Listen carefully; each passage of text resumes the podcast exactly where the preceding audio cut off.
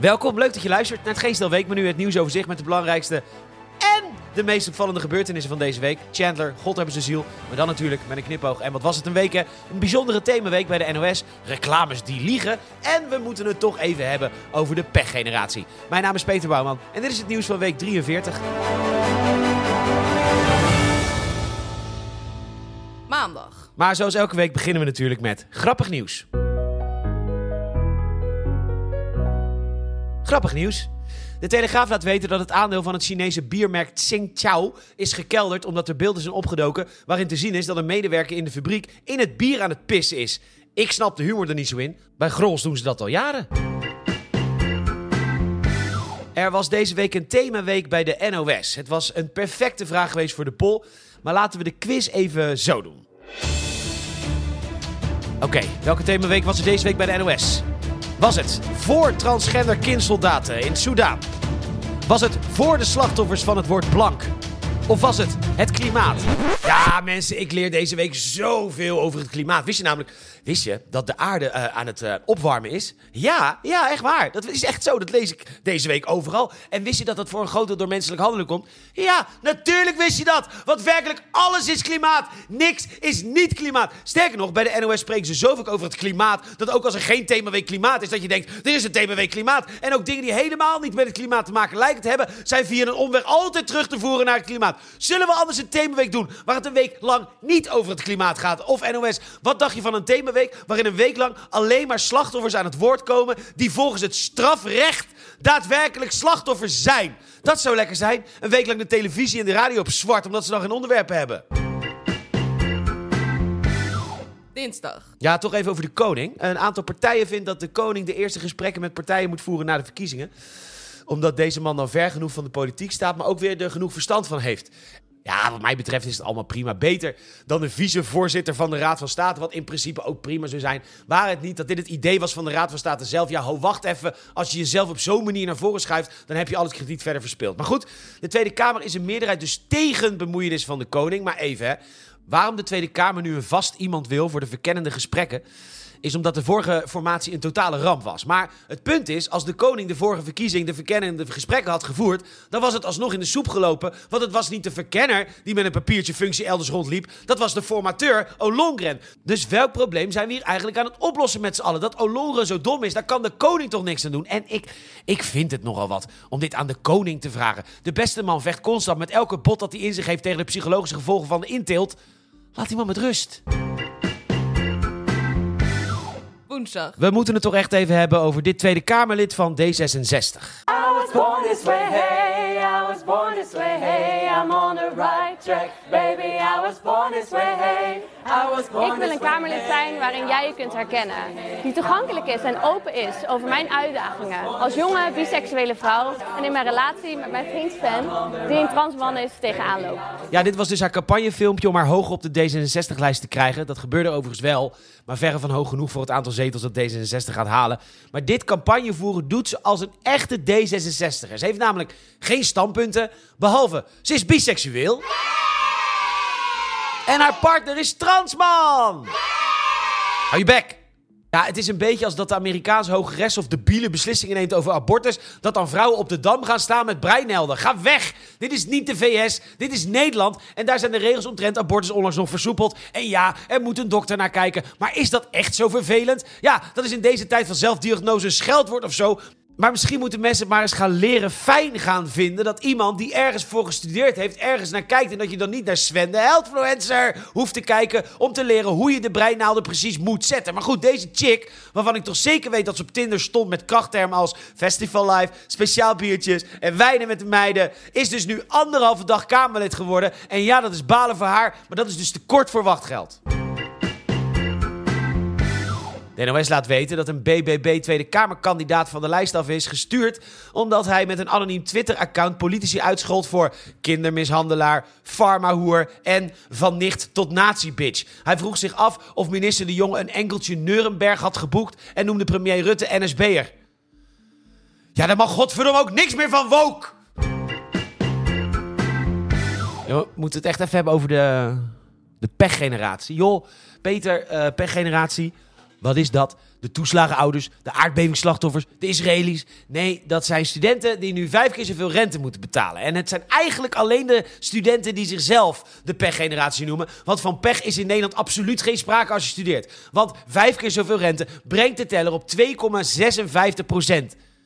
Ja, dat is toch geen rente voor een lening? Je krijgt meer rente als je spaart tegenwoordig. Dus die studenten gaan straks, als ze afgestudeerd zijn, een paar tientjes meer in de maand betalen. Denk je dat dat lukt? Ja, met je HBO of VO-diploma? Ja, zegt Bianca uit Utrecht. Ik ben nog niet eens begonnen aan deelnemen aan de maatschappij. En ik sta nu al 50.000 euro achter. Volgens de NOS raakten ze gestrest. Zal die stress komen door die schuld of door het feit dat je beeldende kunst studeert? Ja, dan moet je inderdaad heel veel bonken klein met een stomp erin verkopen als asbak. De pechgeneratie. Denk je ja, denk je ja, dat als je met je opleiding communicatie straks in de kroeg moet zeggen... Sorry, Mata, duo hijgt in mijn nek. Ja, Floris Jan achter de bos van Flepperstein. Denk je dat je straks een extra vlucht in Curaçao moet gezag voeren... omdat je anders de rekening niet kan betalen? Weet je wie de echte pechgeneratie is? Alle andere generaties die naar dit geprivilegeerde gelul moeten luisteren. Dan is het alweer tijd voor de poll. De vorige week vroeg ik welke bekende Nederlander op een cruciaal moment loog over haar gewicht. En het goede antwoord was natuurlijk... Nou, hè? Nou ja. Huh? Nou, het is echt heel gek. Je hebt het allemaal goed. Hartstikke leuk. Dan de vraag van deze week. Er werden deze week duizenden dieren gestolen in Nederweert. Om welke diersoort gaat het eigenlijk? Je kunt het goede antwoord invullen in de poll onder deze aflevering in Spotify. Dankjewel. Klimaatminister Rob Jette heeft een advies gekregen van een groep gedragwetenschappers. Verbied reclames voor vliegtickets en fast fashion. Ja, zeggen deze mensen die er dus voor gestudeerd hebben. Omdat deze mensen door deze reclames een verkeerd beeld van de werkelijkheid krijgen. Goh, wetenschappers die ervoor gestudeerd hebben. Dat is letterlijk de definitie van reclame. Deze wetenschappers die ervoor gestudeerd hebben, denken echt dat de wegenwacht daadwerkelijk op tijd komt als de ANWB dat zegt. Dat je tanden echt wet worden van een elektrische tandenborstel met een app. Dat als een bedrijf zegt dat dermatologisch getest is, dat dat dan iets moet betekenen. Buiten het feit dat het product niet schakelijk is. Maar deze wetenschappers hebben dus nog een vreemder wereldbeeld dan je zou denken. Want hier zeggen ze. Bovendien maakt een verbod op fossiele reclame het makkelijker voor duurzame voorlopers om nieuwe duurzame ideeën te delen. Wat? Ja. Kijken deze mensen wel eens televisie? Alles is groen en alles is duurzaam. Je kunt je televisie niet aanzetten of een actrice die een moeder speelt. Worden twee jonge actrices die haar dochter spelen erop gewezen dat ze toch echt met de fiets naar het kruidvat moet. Want duurzaam. Of vervolgens te zien dat het kruidvat ook een duurzame lippenbalsem heeft. Zep een zender verder en je ziet dat de fucking McDonald's klaarblijkelijk heel groen bezig is. En dat wist je natuurlijk al sinds je die nieuwe heerlijke milkshake smaak hebt geproefd. Banaan Oreo met drapperig papier. Begon allemaal fantastisch met MeToo. Uh, maar goed, inmiddels is er al sprake van een angstcultuur als iemand een mindere dag heeft op het werk. En het ligt dan nooit aan die persoon zelf, hè? Nee, het ligt altijd aan de ander. En dat, ja, dat gaat bedrijven inmiddels dus echt geld kosten. In dit geval Hogeschool in Holland. En uh, dit is er gebeurd. Een medewerker is al 24 jaar in dienst. Er is nooit één klacht geweest. Tot vorig jaar, toen een paar mensen, uiteraard anoniem hele vage klachten hadden als angstcultuur. En heel eerlijk, deze had ik nog nooit gehoord. Maar inmiddels bij een Holland, ja, je weet wel, die instelling waar je zonder tegenprestatie een diploma krijgt. Ze pakt haar rol niet. Wacht, ze, ze pakt haar rol. Wat zeg je nou eigenlijk, anoniempje? Nou, maakt, ja, Jezus, maakt ook niet uit.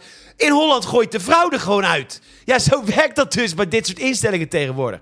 Maar gelukkig hebben we in Nederland nog een rechter. Alhoewel, gelukkig, het is natuurlijk een totale schande dat onze rechtspraak steeds vaker nodig is voor dit soort zaken die ze in Dukstad niet eens zouden behandelen. De rechter ziet daar bij Duk al aankomen met zijn klacht dat Donald zijn rol niet pakt. Wat?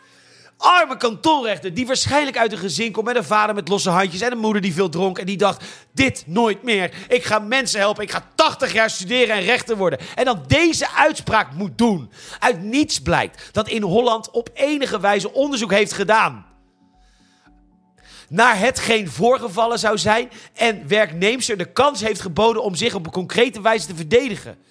Door geen hoor en wederhoor te doen, heeft in Holland zich niet goed als werkgever gedragen. Goh, in Holland. Je laat iemand na 24 jaar trouwendienst vallen omdat anoniempjes klagen dat ze haar rol niet pakte. Wat een scheidinstelling. Echt, het is walgelijk. Die nu 225.000 euro aan de vrouw mag betalen. En dat is die vrouw van harte gegund. En voor deze onvoorwaardelijke steun vanuit G-Stijl...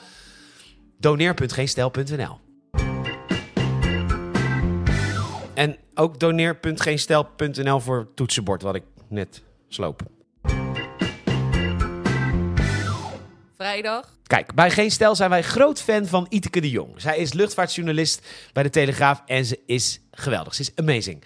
Ja, wij zouden haar Rotterdam chic noemen. Een dame van Hillegersberg. Lekkere knalrode lippenstick op, mascara op en lekker in de champanelle.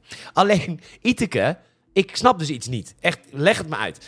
KLM, die leende 942 miljoen euro van de staat tijdens COVID. Na een werkelijk prachtig staaltje huilie-huilie van toenmalig topman Pieter Elbers. De eerste lichamen waren nog niet koud. Of meneer zat bij opeen te verkondigen dat de staat toch echt in moest springen. Want meneer was de baas van een bedrijf dat al sinds 1919 bestaat. Maar in ruim 100 jaar niet een calamiteitenpotje heeft gemaakt. Nee, binnen drie weken was alles kapot. Nou goed, er werd 942 miljoen van de belastingbetaler geleend. Wanneer is die lening eigenlijk terugbetaald? Vraag je af. Nou, in juni 2022. Precies. Covid lag nog niet achter ons en de KLM betaalde alles alweer terug. Dan naar vandaag. Hoogste kwartaalwinst KLM Air France ooit.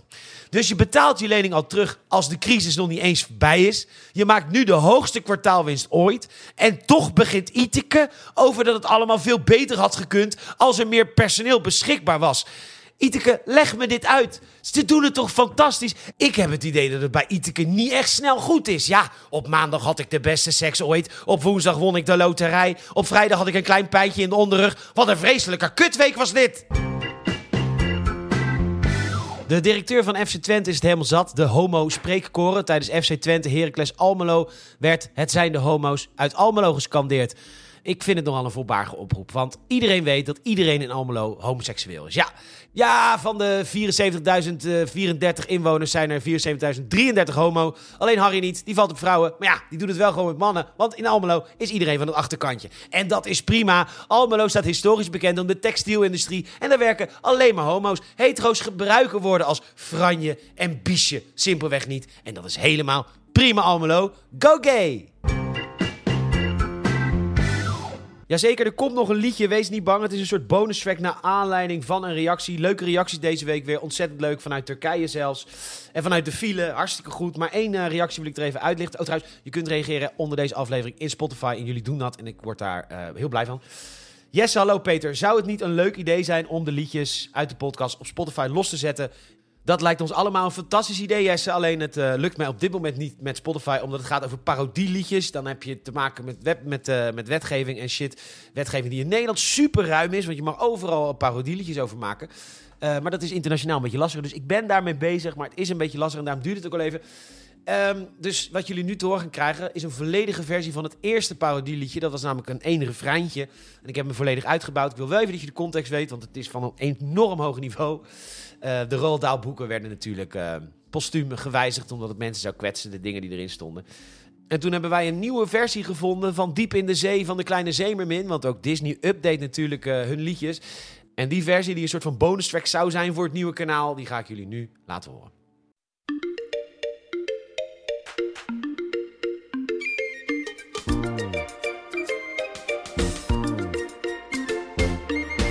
Het gaat nu toch echt gebeuren. Die Erik die wil haar snel. De vraag is wel gaat het scheuren, maar dat zien we later wel. Ze mag dan geen stem meer hebben, maar ach joh, wat is het nut? Weg nu met die spinnenwebben, de regisseur roept dan kat! Diep in haar snee, diep in haar snee. Wat zal ze trillen, hoor er eens schillen, klets naar beneden.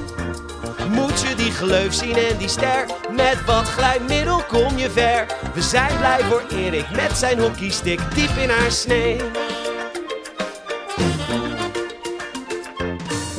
Het was fijn zonder kapotje, al ging het wel toch wat snel. En Erik zijn harde potje heeft pauze voor wat herstel. Tijd nu voor een nieuwe ronde. Ze zijn er weer klaar voor nu. Wel langer dan 10 seconden. En dan gaat het continu. Diep in haar snee. Diep in haar snee. Wat zal ze trillen? Hoor de race gillen. Klets dat beneden. Moet je die gleuf zien en die ster Met wat glijmiddel kom je ver We zijn blij voor Erik met zijn hockeystick Diep in haar snee Hey, lieve kinderen, we gaan lekker moduleren. Doe jullie een keertje mee? Wat gezellig! Diep in haar snee Diep in haar snee Wat zal ze trillen? Hoor de race gillen. Klets naar beneden. Moet je die gleuf zien en die ster? Met wat glijmiddel kom je ver. We zijn blij voor Erik. Met zijn hockeystick Diep in haar snee Kijk haar genieten, eerst tussen de tieten Dan diep in haar snee maagdelijkheid verloor. Met een glimlach van oor tot oor. Kijk ze eens zweten en hoor die kreten Diep in haar snee